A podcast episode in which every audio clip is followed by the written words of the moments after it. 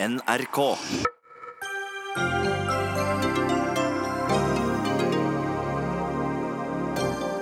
Rosenborg-spillerne slår ring om fotballtrener Kåre Ingebrigtsen, som fikk sparken, og krever ham gjeninnsatt. RBKs styreleder svarer på kritikken. Kulturminister Trine Skei Grande vil ha egen presselov. Skal det nå bli forbudt å spre falske nyheter? Og bør sykepleiere få rett til å skrive ut medisiner for å avlaste legene? Legemiddelverket synes det er en god idé, mens legene frykter kaos.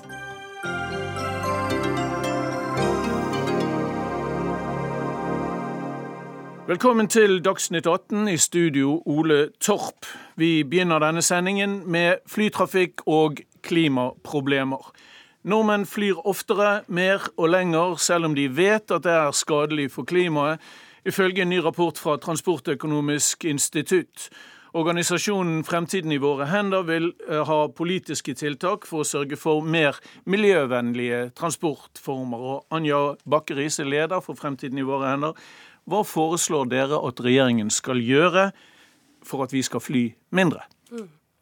Jo, vi er jo først og fremst eh, opptatt av at noe av det som kommer fram i denne undersøkelsen, det er at for veldig mange så er det eneste alternativet, eller det billigste alternativet, hvis de skal ut på reise og kose seg, det er å fly. Eh, det vi er opptatt av, er at det skal komme bedre alternativer. At det skal komme flere alternativer. Når vi snakker om bedre alternativer, så handler jo det bl.a. om at f.eks. på tog så må vi ha ordentlig internettdekning. Det betyr at flere kan jobbe når de sitter på toget. Vi må sørge for bedre spisetilbud, overnattingstilbud. Da blir det litt mer attraktivt også for litt flere kjøpesterke folk. Eh, og så at vi sørger for å gjøre flyreisene dyrere. Okay. Spesielt de lange og forurensende flyreisene flyreisene, der det legges opp nå til en massiv vekst, så må vi sørge for at det koster litt mer. Så skal vi heller bruke de pengene på å tilrettelegge og utbedre de miljøvennlige alternativene. La oss høre med regjeringen, Ketil Solvik-Olsen, samferdselsminister Frp. Billigere å fly eh, til Krakow eh, enn det er å ta toget fra Trondheim til Oslo, holdt jeg på å si. Um, gjør regjeringen noe for å få folk til å la være å fly så mye? Vi gjør mye for at det skal bli mer miljøvennlig å reise generelt. Med at du, når du først tar en tur, at du kjører med biler med lavt eller null utslipp. At du velger å ta toget når du har det alternativet. Men òg at når du skal fly, at du har mer biodrivstoff på tanken. Norge er først i verden med å ta det i bruk, og det er bærekraftig biodrivstoff. Vi er med å ta initiativ for å kunne bruke mer batteri på fly, for å ha hybridfly eller elektriske fly i framtiden. Vi jobber aktivt for å sørge for at når du går inn for landingen, at du har, bruker mindre energi på den måten. Sånn at de reise, den reisehverdagen som vi har Vi reiser jo ikke rundt omkring bare for moro. Du har jo som regel et formål, enten i forretningsvirksomhet, du skal faktisk på ferie, du skal treffe venner og familie. Den måten. Men stadig flere reiser for moro skyld?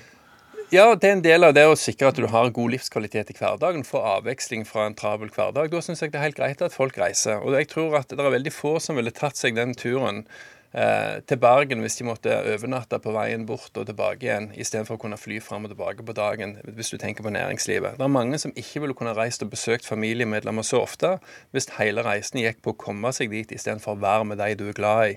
Derfor er det viktig at vi både altså Vi må ha mange tanker i hodet på en gang. Vi må sørge for at den luftfarten vi har, blir mer miljøvennlig. Utslippene per passasjerkilometer har blitt halvert de siste 20 årene. Det viser at det skjer mye. Og snart kommer, eh, eller kanskje ikke så snart, kommer elektriske fly? Ja, det går altså, vel litt det, sent, gjør det ikke det?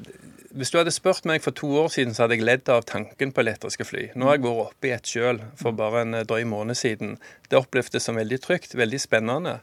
Når Widerøe-sjefen sier at han ser for seg at han kan tilby elektriske fly på noen av sine ruter allerede i 2025, så sier det noe om hvor fort det går. Derfor blir det feil nå å begynne å øke pris på, på, på flyselskapene, som gjør at de har mindre mulighet til å investere i nye fly når den teknologien er, er klar. Det er vel et Men, poeng Anja Bakken Riise, at hvis du, hvis du, eh, pris, nei, hvis du øker prisene, så kan det slå, slå feil ut.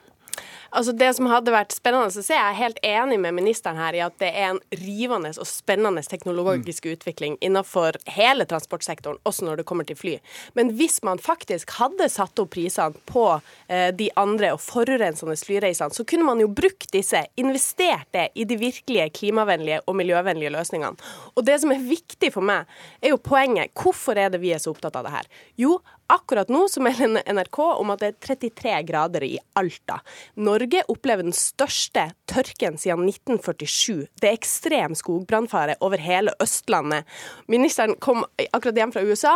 Han har sett det samme foregår der. Det skjer over hele verden. Vi er ekstremt utsatt. Men det her er bare en liten forsmak på det som vil komme du, når det her blir den nye normalen. Det skjønner jeg.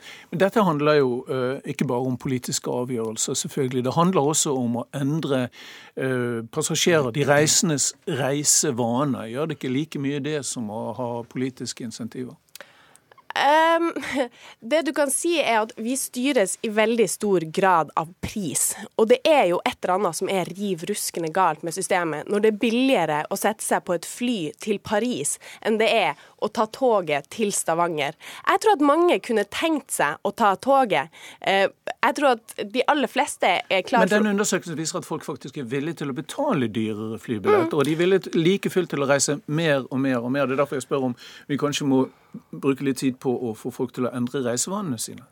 Jo, men jeg tror at pris er helt avgjørende også for at folk skal endre, uh, endre atferden sin. Selv om Tøye sier at de bryr, de sier jo at halvparten, halvparten, av respondentene sier at dersom prisene hadde dobla seg, så hadde de ja. reist mindre. Doble seg. Doble flypriser på fly... Nei, det, det, kommer ikke til å skje så lenge jeg er statsråd, eller så lenge dagens regjering sitter. Det ville vært en forferdelig dårlig måte å utvikle Norge på. Rett og slett fordi at mye av Norge er avhengig av at du har gode flyforbindelser. Distrikts-Norge, næringslivet òg i storbyene rundt omkring. Koblingene både Stavanger, Oslo, Stavanger, Bergen lignende, men òg eh, Oslo, Sandane, Oslo eh, Mosjøen er viktig for å utvikle næringsliv i Norge. Det at det er billig å fly, det er jo ikke i utgangspunktet et problem, det er jo i utgangspunktet et gode. Utslippene fra fly nå, det er derimot et problem, og det er det vi må gjøre noe med. Jo, men, jo mer vi flyr, jo flere jo, blir, større blir vel utslippene. Nettopp det at folk er villige til å betale vesentlig mye mer for å få lov til å fly, handler jo litt om at de òg har ei tidsklemme. De fleste av oss har ikke veldig lange helger. Du er ferdig på jobb på fredag, og du skal være hjemme igjen på søndag. Hvis du skal rekke å besøke folk du kjenner langt vekke, så kan du ikke bruke hele tida på tog og så si hei på stasjonen og reise tilbake igjen. Da er faktisk fly noe folk er villige til å betale for. Og derfor, derfor må vi, En må se på det vi allerede er i gang med. Vi har økt jernbanebudsjettet med over 50% Nesten 10 milliarder kroner mer bruker vi i 2018. For det er vel et poeng, for det er vel et poeng Anja en jobber at det er ikke så lett i dette landet å bare bygge ut uh, tog. Det har jo de siste ukene som Åndenes nyheter mm. vist oss, at alt blir utsatt, og fjellene forsvinner ikke. Og ikke alt, ganske mye blir utsatt. Ganske mye blir utsatt. Det, det, meste, det meste. Ja, ikke sant? Men, men altså, jeg er jo helt enig med ministeren i det her, og akkurat når det kommer til distriktspolitikk, så er det jo derfor kjempespennende det som skjer med elfly. Så må bare ministeren og regjeringa sørge for at det skjer så fort som overhodet mulig. Men, og det er ikke alle reisene som kan erstattes med tog, og som kan erstattes med andre eh, transportformer men en god del kan det. For eksempel nå så tar det ni timer med tog fra Oslo til København, for så å koble seg videre på kontinentet. Tidligere fantes det nattog. Det fantes tog der altså at toget går i ett her er det masse som ministeren kan gjøre, ja, og gjøre det enklere å tilrettelegge for eh, reiser. Vi, vi, jobber Så sent som for en måned siden så traff jeg mine nordiske kollegaer. Vi snakket om grensekryssende infrastruktur. Men tross alt selv om, dette, selv om, du får turen til København til å gå på sju timer, selv om du får det til å gå på fire timer, så det er vesentlig lenger enn fly.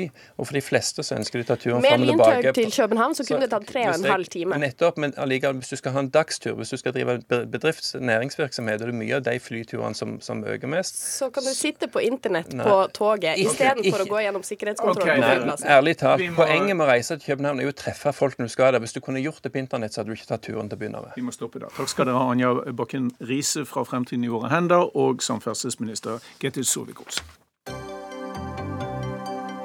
Dagsnytt 18 alle hverdager kl 18.00 på NRK P2 og NRK2.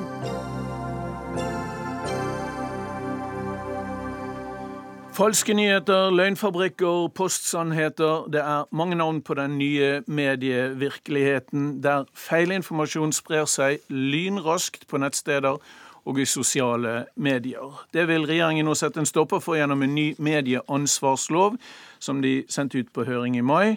Og Trine Skei Grande, kulturminister, velkommen i studio. Du Takk. tror løsningen på å stoppe disse falske nyhetene eh, blir å finne i en ny slik lov. Iallfall sier du det i et intervju i, i Dagsavisen i dag. Hvordan skal du klare det? Jeg tror ikke vi klarer å stoppe det. Det som vi må gjøre, det er at vi må løfte de ansvarlige mediene, dem som er de redaktørstyrte mediene, legge standarden kanskje litt høyere for dem, eh, sånn at det blir lettere for folk å se forskjell på hvilke steder de henter informasjonen sin. Om det er de mediestedene som følger PFU, som følger alle de egenstyrte delene av, av mediene, og som også følger det lovverket. Så du vil med loven i hånd tvinge etablerte medier til å legge listen høyere, slik at forskjellen på ordentlige nyheter og søppelnyheter blir tydeligere. Jeg vil ikke tvinge de etablerte mediene, men det vi gjør nå, er at vi tar alle de delene som før har vært spredt over mange forskjellige lover, har vært uoversiktlige og ganske inkonsekvent. I dag f.eks. er det sånn at hvis du, hvis du uh, som journalist publiserer en artikkel på et trygt medium, så har du et mye sterkere lovverk du må forholde deg til enn hvis du gjør det på nettmedier. Vi syns ikke det er noen grunn til at det skal være forskjell på ting som blir publisert på nettet via en journalist og et redaktørstyrt medium, kontra det som blir publisert på papir. Så vi vil fornye, vi vil gjøre det likt mellom teknologier, hvilken måte du formidler nyheter på. Og så vil vi samle alt lovverket ett sted, unntagen én ting, nemlig det som går på kildevern, som nå også Justisdepartementet straks sender på høring nytt lovverk knytta til kildevern for å styrke kildevernet.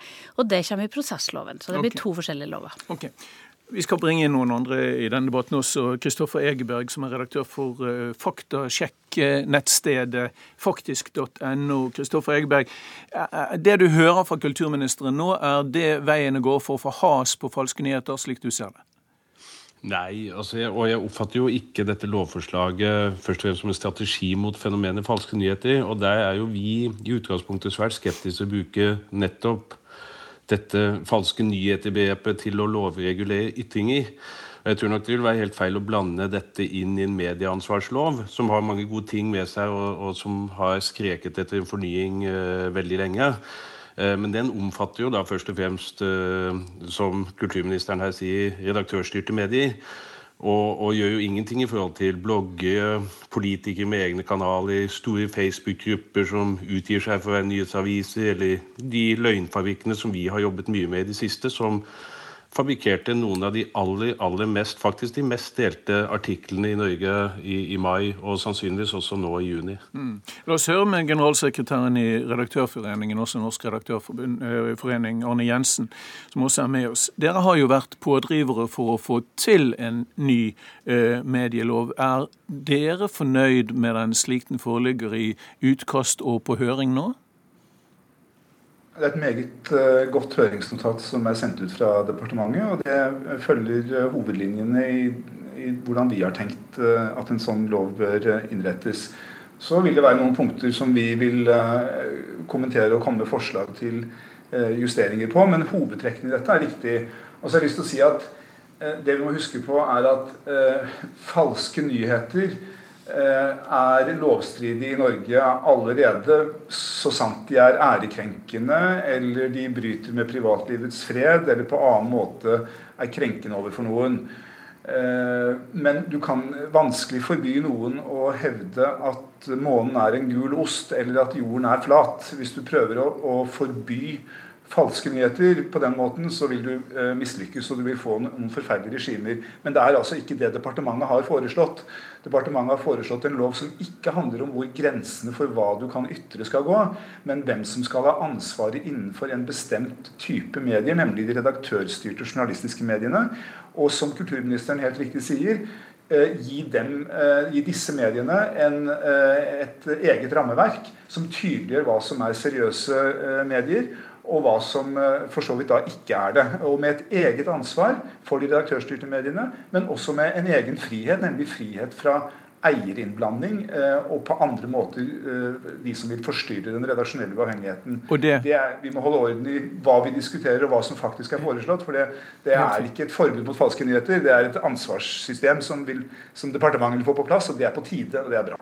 Eh, la oss høre med Kristoffer Egeberg igjen før jeg slipper til kulturministeren om et øyeblikk. Om det er slik du også leser situasjonen, Kristoffer Egeberg? Ja, absolutt. Og, og, og, nå må jeg innrømme at jeg, denne saken, denne, dette forslaget er jo på høring. Og, og, det er jo uh, noe jeg oppfatter at her uh, vil jo regjeringen at vi skal komme med innspill også på dette med falske nyheter. Og det er jo innspill som vi gleder oss til å gi.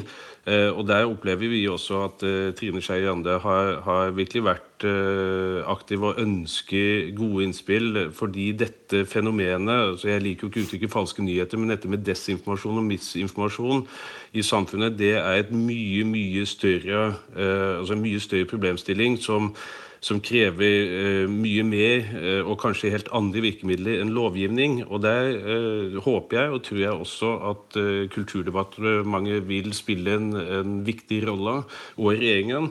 Og der ønsker jo vi, både vi som, som faktisk.no, som jobber med dette særskilt, men tror jeg også mediene generelt i, i, Norge er veldig opptatt av å kunne komme og bidra med gode råd uh, i, i, den kampen da mot og mot uh, falske ja, Og høringsrunden er jo åpen for alle, så det er, uh, det er jeg sikker på at kulturministeren bare uh, ser frem til. Ja, og det, det, skal vi ta inn over oss, det vi får tilbakemeldinger Men til nå har vi fått veldig mye positive tilbakemeldinger på det som ligger der ute. Og for å bare slå det helt fast, det kommer aldri til å skje med Venstre i regjering at vi kommer til å lovregulere ytringer. Ytringer er jo selve, selve det, det, som gjør at demokratiet vårt funker og går. Det handler ikke om dette her. Det handler om, ja, hvis jeg skal si det på enkelt og trøndersk, det gjør det lettere for borgere borgere og skille mellom skit og kanel. Mm. Eh, hva som er gode kilder som følger, følger, de etiske retningslinjene, følger de måten vi jobber på i, i, i norsk journalistikk. Både det som er det sjølregulerende i norsk media, og det som er det allerede i dag er lovregulert. Men Trine Skei Grande, Hvordan skal du få has på falske nyheter hvis ikke sosiale medier skal lovreguleres? Nei, Det du skal få has på, det er aktive borgere som bryr seg, og som vet hvilke kilder de kan gå til. Og som skjønner at det er forskjell på nyheter som spres av noen nettsteder, noen interesser, mm. og det som spres av, av de gode journalistiske miljøene vi har i Norge, som faktisk har en del spilleregler å forholde seg til. Men, og En men, annen ting som er litt viktig, er det at vi også foreslår å gjøre noen ting med, med det som da er brukeraktivert innhold. Så det betyr at den tråden som ligger etter, også er et ansvar for, for medier å kunne redigere. Og Det handler både om retten til å varsle at her er det hatefulle ytringer, retten til å, til å varsle at her ligger det trusler, retten til å ta det, altså redaktører sendt ansvar for å fjerne og, ja. det, men også folk sin rett til å klage på når det blir fjerna. Mm. Så, så, vi ja. ønsker at vi skal få til en mer regulert debatt med mindre hatefulle ytringer, der folk vet hva, hvor de finner kvaliteten. Men så vidt jeg forstår, stadig ifølge intervjuet i Dagsavisen i dag, så, så, skal det også bli lettere å saksøke både journalister og redaktører. Ja, det var, dag, det var Dagsavisen sin ja. versjon av det. Og det kan du si at er det, ikke, er det ikke riktig? Jo, det er riktig hvis du sier at i dag er det sånn at du har mye strengere regler på papir enn du har på nettet. Mm. Eh, I dag kan du skrive mange ting på nettet som du aldri har kunnet skrive i en papiravis. Mm. Sånn kan vi ikke ha det. Vi må ha like regler for journalistisk publisert materiale, om det er på papir eller om det er på elektronisk. Mm. Men jeg vil spørre Arne Jensen om det. Um, fordi det, selv om det var Dagsavisens eh, versjon, eller hva man skal si, så bekrefter i og for seg Trine Skei Grande her at det skal bli lettere å gå til sak mot journalister, ikke bare eh, mot redaktører, slik vi har sett før. Og Du som er så fornøyd med alt dette, Arne Jensen, er du fornøyd med det punktet også? Ja, men jeg, Nå tror ikke jeg at det blir lettere å gå til sak mot journalister. Men det som blir lettere, hvis, man, hvis det er et stort poeng, det er å eh, saksøke eh, redaktører for eh, det objektive, ut fra det objektive redaktøransvaret, som vi kaller det. Dvs. Si det ansvaret som du har helt uavhengig av om du har vært involvert i en sak.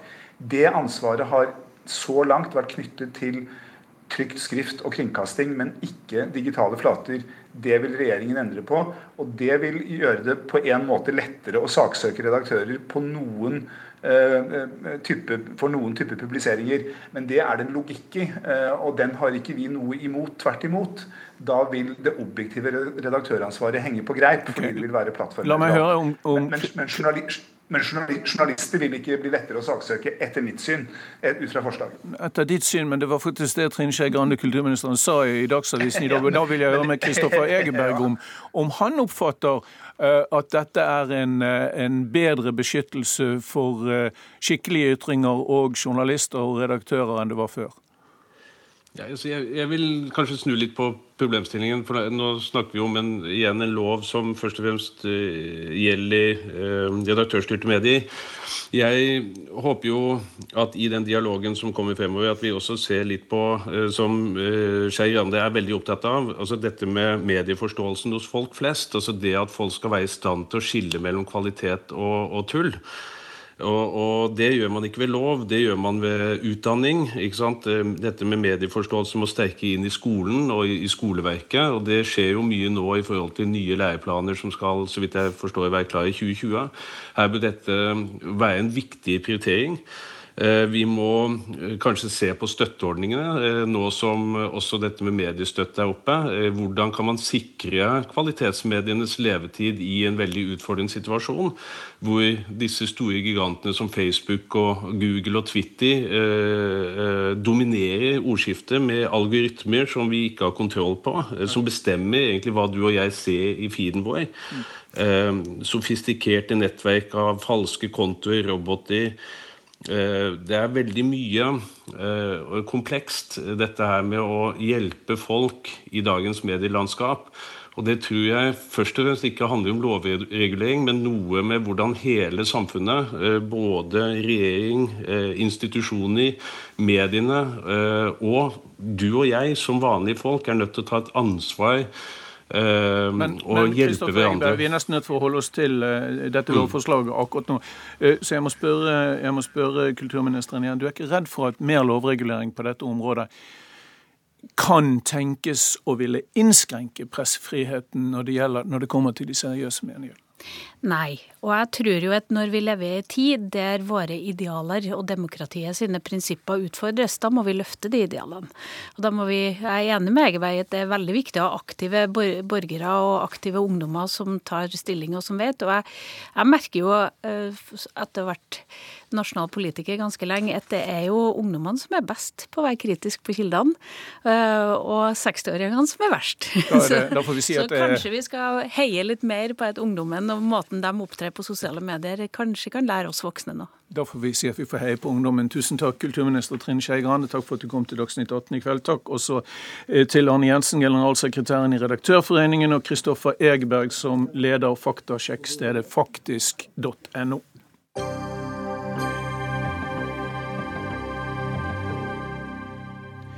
Så til eh, fotballdrama i Trondheim. Spillergruppen i Rosenborg rykket ut i ettermiddag og sier de og dette er et sitat, monumentalt er uenig i at RBK-trener Kåre Ingebrigtsen ble sparket uten forvarsel i går. Mannen som skaffet Rosenborg tre strake seriegull og to NM-trofeer på rad, er også den rette til å lede klubben videre, sier den samlede spillergruppen. Sparkingen av Ingebrigtsen og assistenttrener Erik Hoftun har skapt sterke reaksjoner i Fotball-Norge, og den som sto for alt dette sammen med styret i RBK, det var deg, Ivar Koteng, styreleder i Rosenborg fotballklubb. Hallo. Hallo. Hvorfor mistet styret tillit til Kåre Ingebrigtsen og Erik Hoftun? Eh, og at de var de rette personer til å lede klubben ut denne sesongen?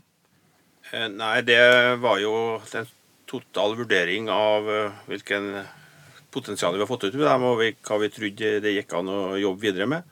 Vi har jo jobba uten å ha som mål å sparke dem en stund, men på et eller annet nivå så havna vi på den konklusjonen. På et eller annet nivå. Du, gi oss den konkrete grunnen. Nei, Den konkrete grunnen er at den samla vurderinga av eh, altså Det å være fotballtrener er sammensatt. Du skal være leder, du skal være pedagog og du skal være fagmann. Og samla i det så havna vi på at det var best å avslutte. Hvordan eh, reagerer du på at en samlet spillergruppe i en pressemelding i ettermiddag sier at de er monumentalt uenige i styrets beslutning, og at Kåre og Erik, som de skriver, er best skikket til å lede klubben videre? Spillerne er jo oftest nærmest ballen. Ja, de er det. Og vi, det er jo ikke noe ukjent for oss, dette. Vi har jo snakka med spillerne, så, så, det var ikke noe ukjent. Og det ble jo tillagt vekt, selvfølgelig, men samla så havna vi på motsatt konklusjon enn hva spillerne ønska. Har du ikke tillit eh, til disse to?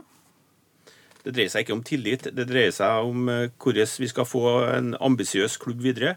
Eh, da tror vi at det var rett, rett å gjøre det vi gjorde. Mm. Kan, det ha sammenheng, kan din avgjørelse ha sammenheng med at Rosenborg ligger hele to poeng etter Brann på tabellen? Det har ingenting med saken å gjøre. Med Det dreier seg bare om hvordan vi utvikler oss, og hvordan vi skal greie å utvikle Men var det en konkret hendelse som utløste dette? Nei, det er, det er den utviklinga som har skjedd det siste halvannet året. Har du, funnet, har du funnet en ny trener? Nei, Vi har ikke begynt å se etter en ny trener engang. Vi har imidlertid en, en, en midlertidig løsning. Er ikke det råflott å sparke en populær og flink trener midt i sesongen uten å ha en backup? Ja, det, den problemstillinga kjenner jeg ikke sånn. Når, eh, det vi gjorde, var jo at eh, når vi på en måte bestemte at en Kåre ikke skulle være trener i 19, så ble det veldig vanskelig å gå og, eh, og, og spill, et slett spill for at han skulle fortsette i år. Så det ble, eh, da ble løsninga at han måtte gå med en gang. Helt ærlig, Koteng, kan du og styret bidra til å ødelegge, eller iallfall forstyrre resten av RBKs sesong? Vi har jo i hvert fall eh, forstyrrer vi noen, noen dager nå, men eh, fotball dreier seg om å prestere, og det dreier seg om eh, å utvikle oss til å vinne fotballkamper. Og det er det det hele koker ned til. Kan det tenkes at du har for høye ambisjoner på vegne av Rosenborg? Det kan jeg vanskelig tenke meg. Men ambisjonen er vel den europeiske ligaen, Champions League og slike ting. Er det realistisk? Nei, det er ikke det som er ambisjonen. Ambisjonen er at vi skal få mest mulig, maksimalt, ut av det Rosenborg evner på det nivået vi er. Ingebrigtsen sier at eh, oppsigelsen kom fullstendig uten eh, forvarsel. Både han og trenerkollega Egil Hoftun beskrives som bautaer i klubben etter 20 års erfaring. Er det i samsvar med Rosenborgs verdisyn å sparke eh, eh, to så eh, fortjente eh, medlemmer av klubben som har lagt så mye arbeid inn i, i arbeidet med å holde Rosenborg som en toppklubb i Norge? Nå er det jo ikke helt uvanlig at fotballtrenere blir sparka, så det dreier seg jo mer om at man ønsker løsninger som skal bringe klubbene videre. Og vi er sikre på at vi har gjort rett. Men når spillerne altså har slått ring om dem i dag, så bidrar ikke og sagt at dette er de personene som kan føre oss helt til topps i, i Tippeligaen i, eh, i, eh, i denne sesongen, så gjør det altså ikke noe inntrykk. Det gir et inntrykk, klart det. Det er jo ikke sånn at det her er uproblematisk. Det, vi har hatt en lang prosess, vi har gjort veldig grundige vurderinger. Og spillerne sine vurderinger er selvfølgelig med i det. Men det, men det gjorde ikke såpass inntrykk at du vurderte å få styret med deg på å snu. Ja, Det dreier seg ikke veldig mye om inntrykk, som jeg sier. da. Det dreier seg om å gjøre kvalifiserte vurderinger, og det har vi gjort. Når du hører reaksjonene, Koteng, har du vurdert om det kanskje er du og styret som burde gå istedenfor de to eh, trenerne? Ja, Nå er det jo litt etter hvilke reaksjoner du ønsker å se på. Vi, har jo, det, vi får jo masse reaksjoner som er positive, og masse som er negative. Vi kan ikke ta hensyn til det. Vi er satt og valgt av årsmøtet til å gjøre en best mulig jobb, og det prøver vi. Ok. Takk skal du ha, Ivar Koteng, styreleder i Rosenborg fotballklubb. I studio her i Oslo har vi Leif Welhaven, sportskommentator i VG. Hva syns du om styrets begrunnelse for å sparke Ingebrigtsen? Altså, jeg reagerer først og fremst på at de velger å ty til dette skrittet nå. Altså på et uh, tidspunkt hvor avstanden til Brann nesten er eh, borte. De har det er to poeng nå. To poeng. De har kommet seg videre i Europa, riktignok ikke på veldig imponerende vis. Han har altså vunnet fem av de seks siste mulige trofeene hjemme. De kom seg til Europaligaen i fjor. Altså Resultatene til Kåre Ingebrigtsen tilsier i seg selv at han som et minimum burde fått en mulighet til å fullføre sesongen 2018. Og så ville man da på et tidspunkt når den var over, avhengig av hvordan dette hadde endt, både i serien og i Europa, hatt et godt grunnlag for å vurdere hvorvidt han eh, hadde vært riktig mann videre eller ei. Nå får vi aldri svar på hvordan det ville ha endt. I stedet altså, ender vi med en beslutning som fremstår altså, forhastet, uten en god begrunnelse for hvorfor den kommer nå, uten at man har en god backup-plan. Og jeg tror også at man, jeg vil mene at Kotin burde ta litt mer på alvor altså at når en samlet spillergruppe tyr til et så direkte utsagn som at de er monumentalt uenige i dette.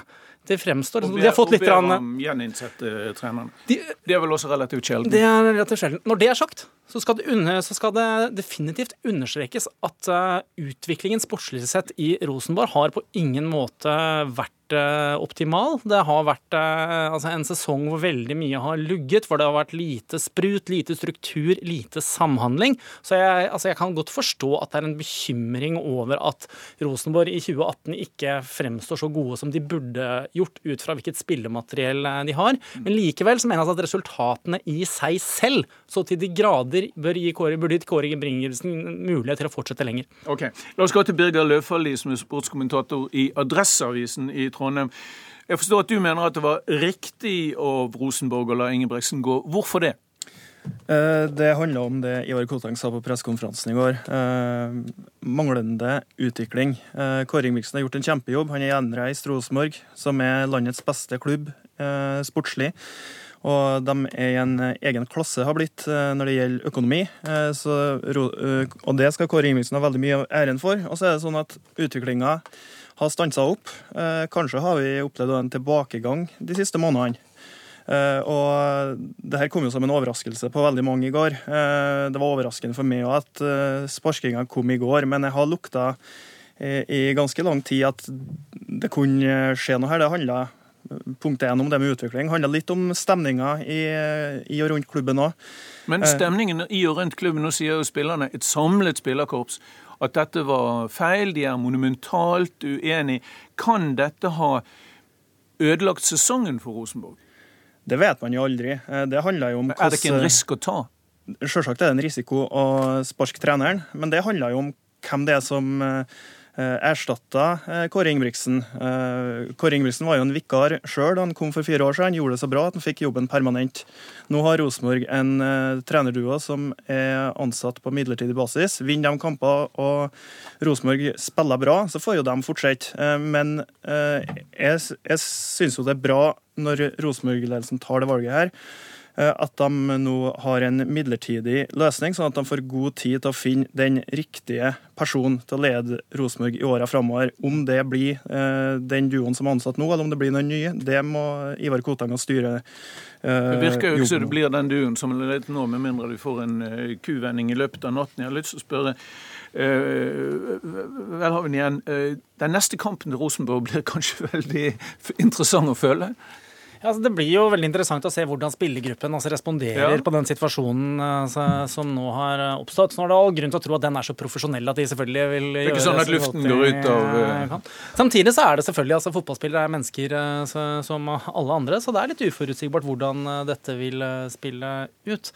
Noe av det sånn, mest interessante her synes jeg er liksom, prinsippet om hvor skal man legge lista for hva som skal liksom, være nok i en klubb eh, som eh, Rosenborg. Hvis man til evig tid skal sammenligne med de resultatene Nils Arne Eggen oppnådde i Europa i en, altså, i en tid hvor det var lett lettere for David å konkurrere med Goliat eh, enn en det er nå, så er jo, kan det bli veldig hyppige trenerskifter på Lerkendal. Det er stor, forskjell på eliteklubber i Europa og eliteklubber i Norge. Er, eh, samtidig så skal jo styret være ambisiøst. Altså, det er viktig at man skal ha noe å strekke seg etter. Men altså, dette koker ned til at du ser på Kåre Ingebrigtsens CV, hva han har oppnådd i Rosenborg, og altså at du ser på hvor vi ligger av nå midt i sesongen, så er det ikke De har ikke kommet med en eneste plausibel grunn for hvorfor de gjør dette her nå. Hvorfor i all verden kunne kunne han ikke få lov til å fullføre 2018. Og så kunne man tatt dette i ro og mak etter sesongen når man visste om man hadde klart å snu, fått skuta bedre eller ikke. Og til slutt, eh, Birger Løfaldli. Eh, hvilke ambisjoner er det Rosenborg nå har som gjorde dette skiftet eh, så nødvendig på dette tidspunktet? Rosenborg, Kravet til Rosenborg det er mer enn å vinne den norske serien. Det må ligge der som i bunnen. Rosenborg har så god økonomi, de har så mye større ressurser enn de øvrige norske klubbene. At eh, det er et sånn minimumskrav. Eh, og så skal de komme seg ut i Europa. Champions League det tror jeg kanskje er i overkant. Men at Rosenborg skal komme til Europa, gruppespill i League og hevde seg, det bør være et naturlig krav til Rosenborg. Både i år og i åra framover. Og det er ikke urimelig. Ok, Det får vi se. Birger i sportskommentator i Adresseavisen, takk til deg. Takk til Leif Welhaven i VG, og takk også igjen til Ivar Koteng, som er styreleder i Rosenborg fotballklubb, og som tok initiativet til den overraskende sparkingen av den populære treneren.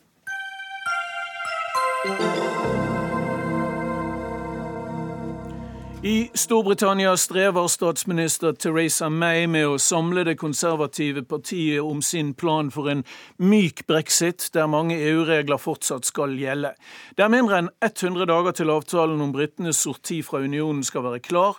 Toryene slåss seg imellom, EUs brexit-sjef antyder at tidsrammene kan ryke, og i bakgrunnen spøker mulighetene for en ny folkeavstemning. Førstelektor ved Universitetet i Agder, Jan Erik Mustad, følger britisk eh, politikk meget tett. Eh, Mustad, statsminister Theresa May har i dag krevet at EU godkjenner hennes forslag til brexit-løsning. Men kan det bli en skilsmisse uten en avtale? Ja, det kan det absolutt bli. Det er en av de scenarioene som er mulig når vi kommer til høsten, at eh, ikke de er blitt enige. Eh, sjefsforhandleren for EU, Michel Barnier, sa nå i ettermiddag at han håper at dette dokumentet som Theresa May nå har offentliggjort, er et arbeidsdokument ja, for han, for han, sa han ikke var sikker på at det såkalte white paper er i EUs interesse engang. Ja, nettopp. Så, så, det betyr at EU eh, e omfavner ikke denne strategien umiddelbart, men sier at de kan bruke det som et utgangspunkt for videre forhandlinger. Men så har vi denne brexit-klokka som tikker tikker og tikker eh, mot oktober, som EU har satt som en deadline for at man skal komme i mål innen mars 2019, når Storbritannia formelt skal være ute av EU. Mm. Ta veldig kort for uh, lytterne våre hva Theresa, May, Theresa Mays myke brexit innebærer utover fortsatt tette økonomiske bånd? Nei, det er et kompromissforslag fordi at fløyene i hennes eget konservative parti står så steilt mot hverandre. Vi har etterlyst en brexit-strategi fra den britiske regjeringen lenge. De har kasta bort tida etter de eh, utløste artikkel 50 i mars i fjor eh, eh, med å forhandle internt med hverandre og i liten grad med EU. Mm. Så det har betydd at nå er jo kommet med et forslag som verken er fugl eller fisk, hvis vi kan si det sånn, for det at hun prøver å manøvrere dette innenrikspolitisk i en utenrikspolitisk sak. Okay. Eh, så dermed så, så har hun da på en måte nå foreslått en myk à la brexit. I den forstand at hun på mange måter ønsker å ha én fot innenfor og én fot utenfor. Mm. Og Det er det som Barnier syns er vanskelig her. At man da ser at dette kompromissforslaget kanskje ikke er i EU-medlemmenes interesse. Og dermed så må han si at jeg håper at dette er et arbeidsdokument som vi kan forhandle om for å komme frem til en avtale. Har det styrket ja. eller svekket statsministerens stilling at uh, to fremtredende uh, statsråder, altså både utenriksminister Boris Johnson og brexit-minister David Davis, gikk av fra regjeringen i protest mot hennes plan? May har vært i en håpløs posisjon helt siden hun ble utpekt for to år siden. Hun ble enda mer svekka etter valget i fjor, og ble enda mer svekka, hvis det går an å bli mer svekka, etter at disse brexiterne gikk ut i forrige uke. Det er jo flere utfordrere og jeg holdt på å si buldrebasser i, i Tory-partiet. Det var et parlamentsmedlem som spurte en retorisk forleden dag om når brexit egentlig begynte å bety forbli i unionen. Det sier ja. vel litt om uh, situasjonen? Ja, det gjør det. Uh, men så er det jo også mange som mener at 52% som var resultatet i folkeavstemningen i 23.6.2016, ikke kan tolkes i retning av en hard brexit. For det er tross alt 48% som har stemt for å forbli. Så dermed så har man nå lansert fra flere kanter, også fra parlamentsmedlemmer, en ny folkeavstemning. Rett og slett for å komme ut av den fastlåste situasjonen en er i, og la folket igjen få lov til å si sin mening mening, og at kanskje det kan bryte opp dette deadlocket, som det nå kalles i britiske medier. Men vi får se da om, om, regjeringen tør det, eller har muligheten til å gjøre det. For i bakgrunnen så spøker Labour og et nyvalg, og det konservative partiet er splitta mer enn noen gang i dette spørsmålet. så Ingen vet foreløpig hvordan høsten kommer til å bli. Nei, og En av dem som har tatt til orde for det, er jo Tony Blair, den tidligere eh, Labour-statsministeren, som har sagt at hele affæren bare kan, kan avsluttes med en ny eh, folkeavstemning. Det er åpenbart en mer og mer utbredt holdning i Storbritannia, men er det sannsynlig sånn som det ligger an nå, så er det ikke sannsynlig i forhold til de eh, momentene som er kommet fram i det siste, at eh, to såkalte forlate-kampanjer hadde et økonomisk samarbeid i opptakten til folkeavstemningen i 2016. Men det er snakk om alle dem som ikke, ikke, skjønte hva de egentlig ja, det var nettopp det. det var nettopp det. Og så er det jo et annet spørsmål, og det er jo det spørsmålet at parlamentet kan overstyre alle folkeavstemninger. Parlamentet er overlegent. Det betyr at de kan annullere den forrige folkeavstemningen hvis de ønsker det, men den folkeavstemningen folkeavstemningen var politisk bindende, dog ikke juridisk bindende. Men parlamentet kan bestemme om de vil ha en ny folkeavstemning. Spørsmålet er hva det gagner, og om det gagner det konservative partiet i denne situasjonen. Beilerne som ligger i buskene og venter på å overta etter Teresa May, vil selvfølgelig ikke gjøre noe nå, fordi at situasjonen er så håpløs som den er. Vi får følge med, Jan Erik Mustad. Eh, tusen takk for at du også følger med. Ikke en dag uten en ny brexit-utvikling. Hør Dagsnytt 18 når du vil. Radio NRK Radio.nrk.no.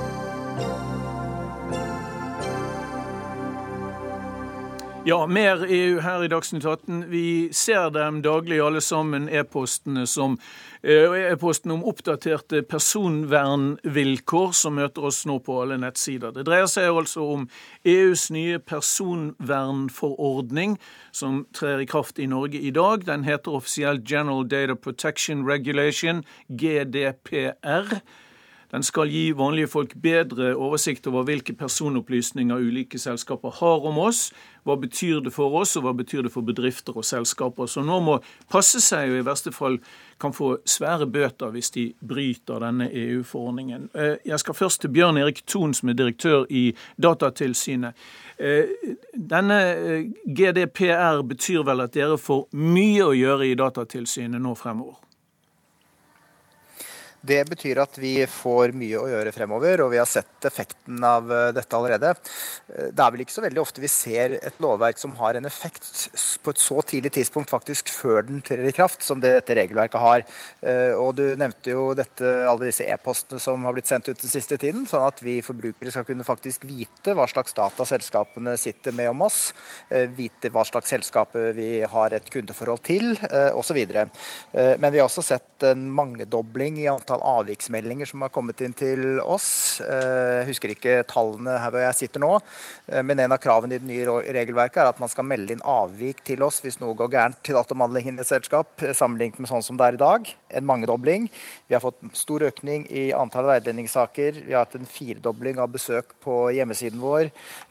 Og sånn kunne jeg bare fortsatt. Men før du, fortsetter med det, før du fortsetter med det, Bjørn Erik Thon, hva, hva vil du si er den den viktigste endring nå som forordningen tar, tar over etter personverndirektivet vi har hatt de siste 16-17 årene? Ja, det, det, er altså fire hovedpilarer i, i dette regelverket. Ta dem kort. Eh, det første er at det første er at det er eh, flere plikter på den næringsdrivende. De skal drive mer ansvarlig databehandling. Bedre oversikt over hva slags data man har. Bedre oversikt over hvor lenge disse dataene skal lagres. Bedre oversikt over hva dataene brukes til. Eh, den andre pilaren er at eh, forbrukerne får flere rettigheter. Bl.a. større rett til å bli glemt, større eiendomsrett over dataene sine, kan vi si. Det tredje punktet er at eh, tilsynsmyndigheter, altså Datatilsyn og alle de andre EU- og eh, EFTA-landene skal samarbeide tettere. og Det er bygd opp en del sånn formelle systemer om hvordan vi skal samarbeide, som jeg tror kommer til å fungere veldig bra. Og Det siste punktet er at overtredelsesgebyrene blir høyere. Sånn at riset bak speilet, da, for å bruke sånt uttrykk, det blir et helt annet enn det det er i dag. Vi snakker om gebyrer som kan være oppe i mange hundre millioner kroners klassen, sammenlignet med i dag, hvor vi i Norge kan skrive ut overtredelsesgebyr på maks 935 000 kroner. Ok. Eh, heng med oss en stund. Eh, vi har to gjester i studio også. Ingeborg Woland, som er eh, redaktør for leserutvikling i Dagens Næringsliv. Sosiale medier bruker jo ofte personopplysninger om oss. Hva får de nye reglene, eller nye forskriften, å, å si for oss for vårt liv på sosiale medier? Ehm, ikke nødvendigvis så mye, men det gir deg litt større kontroll for deg som forbruker, mm. hvis du ønsker det. Ehm, fordi det du skal ha rett til, er å bl.a. kunne bruke tjenestene uten at de bruker data til en del ting. Du skal kunne sjøl ta mer kontroll over hva du gir Facebook eller Google, eller for den del også i Dagens Næringsliv, lov til å gjøre med de dataene du legger igjen om hva du gjør på deres nettsteder. Om de får lov til å selge målretta annonser, Eh, om de får lov til å selge dataene videre til tredjeparter. Litt sånne ting. Det er kanskje det viktigste. Eh, og så skal du kunne be om innsyn i dem, eh, eller du har rett på innsyn i alle data vi eller Facebook eller Google eller andre har om det. Det er det jo en del som har bedt om å få, og fått noen relativt heftige dunker med dokumenter i fanget. Ja, du er med på å fatte beslutninger om slike ting i, i Dagens Næringsliv. Hvor mye må dere legge om, hvis vi bruker det som eksempel? Vi har brukt ganske mye ressurser på ja. å være sikre på at vi er shipshape til, til inntredelsen av GDPR. Nå var vi i ganske god stand fra før, vi har hatt et ganske bevisst forhold til det. men Eh, jeg jeg syns intensjonen i lovverket er god. Eh, det, det, tvinger oss som behandler personopplysninger, eh, og da mener jeg også f.eks. hvordan du beveger deg når du leser på Dagens Næringsliv, til å være sikre på at vi har lov til å gjøre det sånn som vi gjør det. At vi kan finne igjen de dataene og slette de dataene som du som forbruker ber om. Mm. Det er bra. Det er bra. Cecilie Rannevik, advokatfullmektig i Simonsen Fugt og Vik. Du jobber med personvern og har skrevet en kommentarutgave til eh, nettopp denne nye personopplysningsloven. ikke sant? Ja. Um, hvordan må bedriftene egentlig legge om? Vi hører litt fra Dagens Næringsliv, men hva, hvordan, hva er utfordringen for bedriftene? Ja, Det er jo stor variasjon her. Eh, mange av de pliktene og rettighetene som følger av forordningen, har allerede gjeldt eh, etter den gamle personopplysningsloven. Eh, så de virksomhetene som allerede var godt, godt skodd etter det gamle regelverket, de har ikke veldig stor jobb å gjøre. Men dessverre ganske nokså manglende etterlevelse også av det tidligere regelverket. Og da har man en, en ganske stor jobb å gjøre. Mm. Er det forskjell på store og små bedrifter her? Regelverket er i utgangspunktet likt. Det skjønner jeg, men man, når det gjelder eh, innsatsen for å efterleve det? Ja, det, det vil det naturlig nok være. Mm. Eh, men eh, vi ser jo at det er med forordningen en mye større vilje hos virksomhetene til å ta dette regelverket på alvor, og også bruke ressurser på å, komme i stand til, til ikrafttredelsen. Mm. Hva er den verst tenkelige situasjon en bedrift kan komme ut i en sånn situasjon som vi ser nå? Jeg tror at uh, manglende konfidensialitet på sensitive personopplysninger, f.eks. at helseopplysninger kommer uh, på avveie, mm. uh, og hvis det også er da kritisk for, for virksomheten med tanke på kunder, og at man opplever at man får en kundeflukt, og kanskje i kombinasjon da, med et overtredelsesgebyr fra tilsynet. Så... En avsløring om at noe er uh, kommet på avveier. Ja. Men slumses det mye med dette i, i norske bedrifter? Det kan jeg ikke si generelt. Vær ærlig nå. Men, ja. Jeg kan ikke si det generelt, men jeg kan si at eh, per i dag så er det en mye større vilje eh, til etterlevelse enn det har vært tidligere. Men jeg vet også at det er virksomheter som fremdeles sitter på gjerdet eh, og, og, på en måte stikker hodet litt i sanden og håper at dette skal gå over. Eh, og til dem så er det å si at det, de må bare komme seg ned av gjerdet og sette i gang.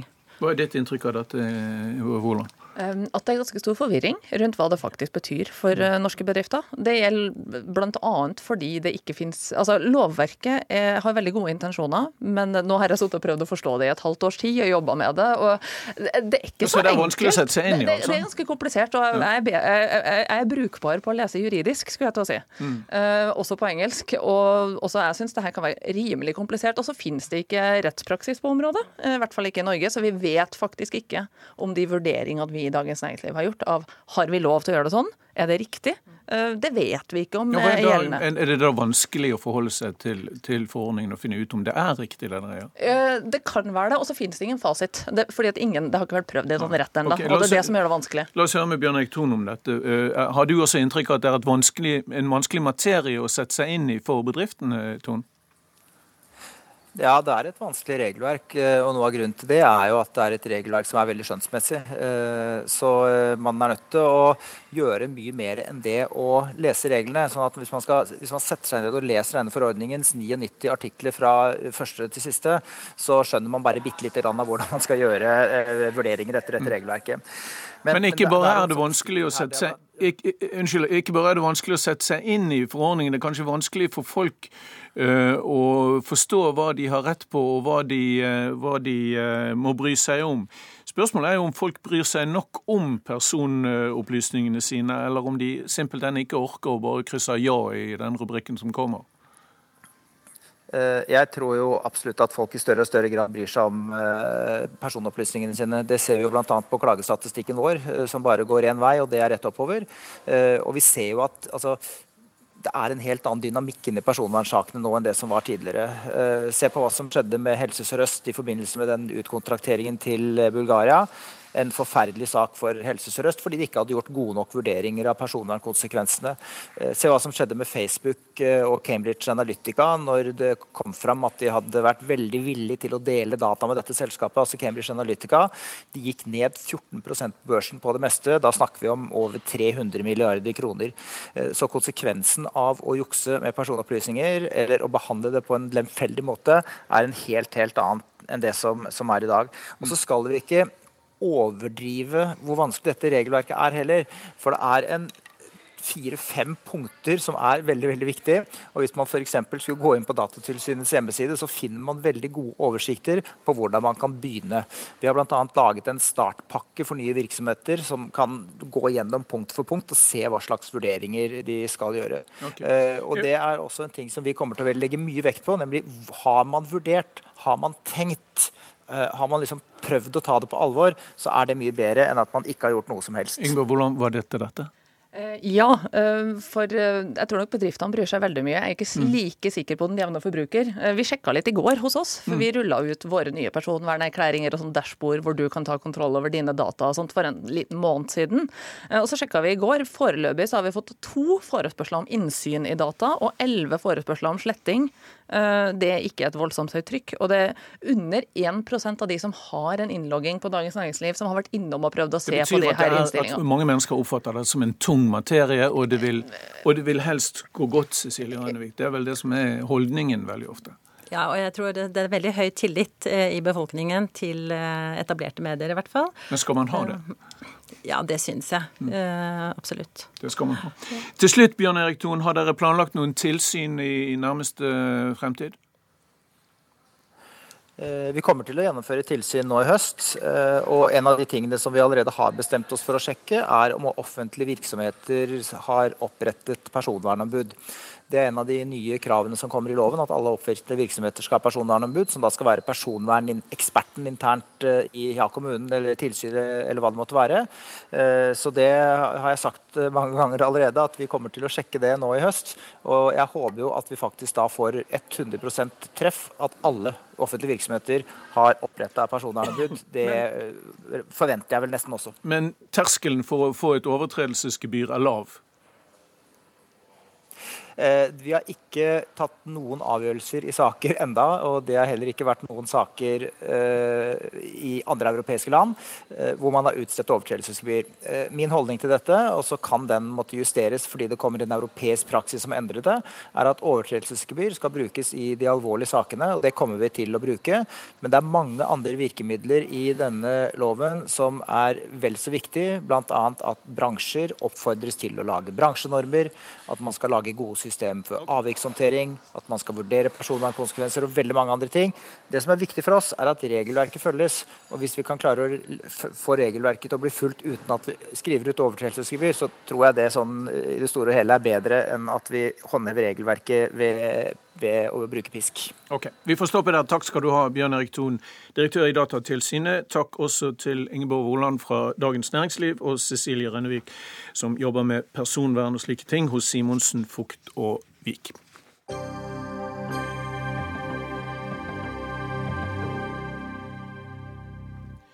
Norske sykepleiere nå de har ikke lov til å skrive ut legemidler til pasienter, selv ikke en hjemmesykepleier som kanskje treffer pasienten mye oftere enn det fastlegen gjør. Samtidig hører vi stadig om overarbeidede leger med dårlig tid. Spørsmålet er sykepleierne dermed en uutnyttet legemiddelressurs.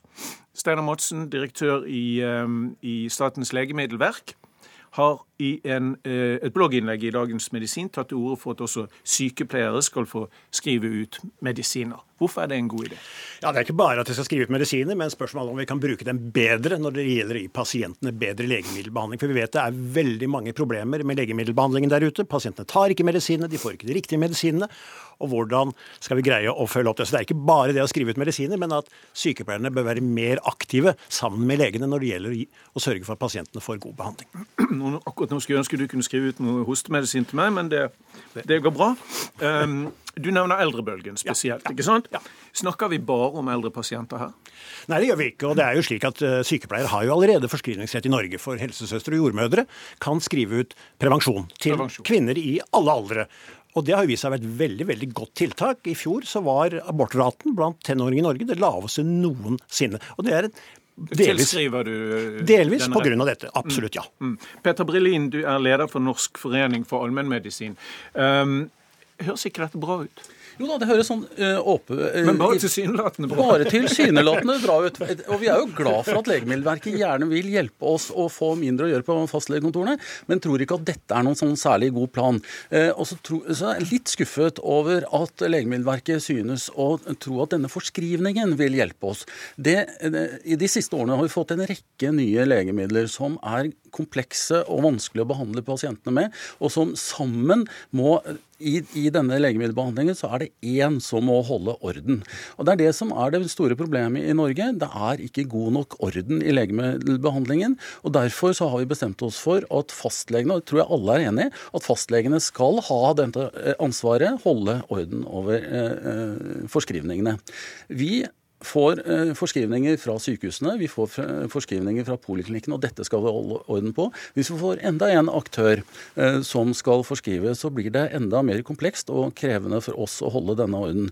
Og så er det også en liten misforståelse å tenke at det ikke er samarbeid mellom fastleger og sykepleiere i dag. Det er et veldig godt samarbeid mellom fastleger og sykepleiere. På mitt kontor får jeg stadig hendelser henvendelser fra sykepleiere som kommer med forslag til endring av eh, medikasjonen, eh, og hvor dette havner havner eh, i et samarbeid mellom meg, men hvor jeg står for eh, denne forskrivningen, som egentlig bare tar noen sekunder.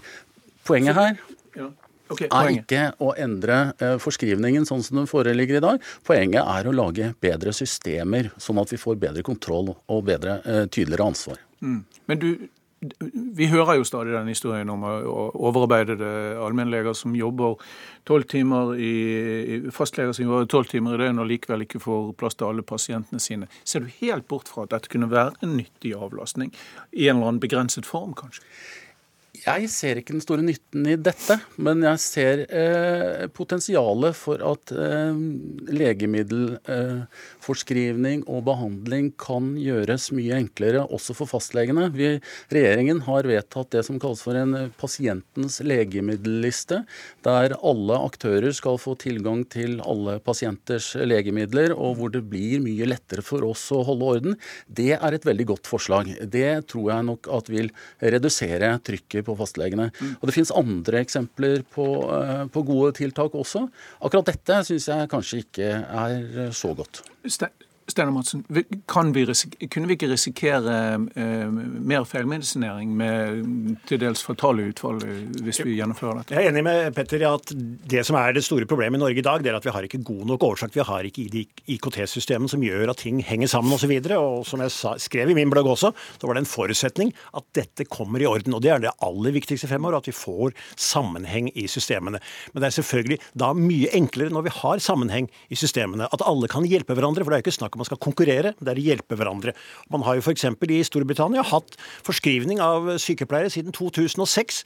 Og Der det, kom det en artikkel i fjor som viste at engelskmennene sparte 8 milliarder kroner i året fordi det ble enklere samarbeid. Det ble mindre dobbeltarbeid. Folk gjorde tingene sammen, og ikke dobbelt. Så, så, hvis man hadde hatt et bedre IKT-system på sykehusene og i helsevesenet generelt, så hadde, så hadde dette gått helt fint. Er dere enige om det?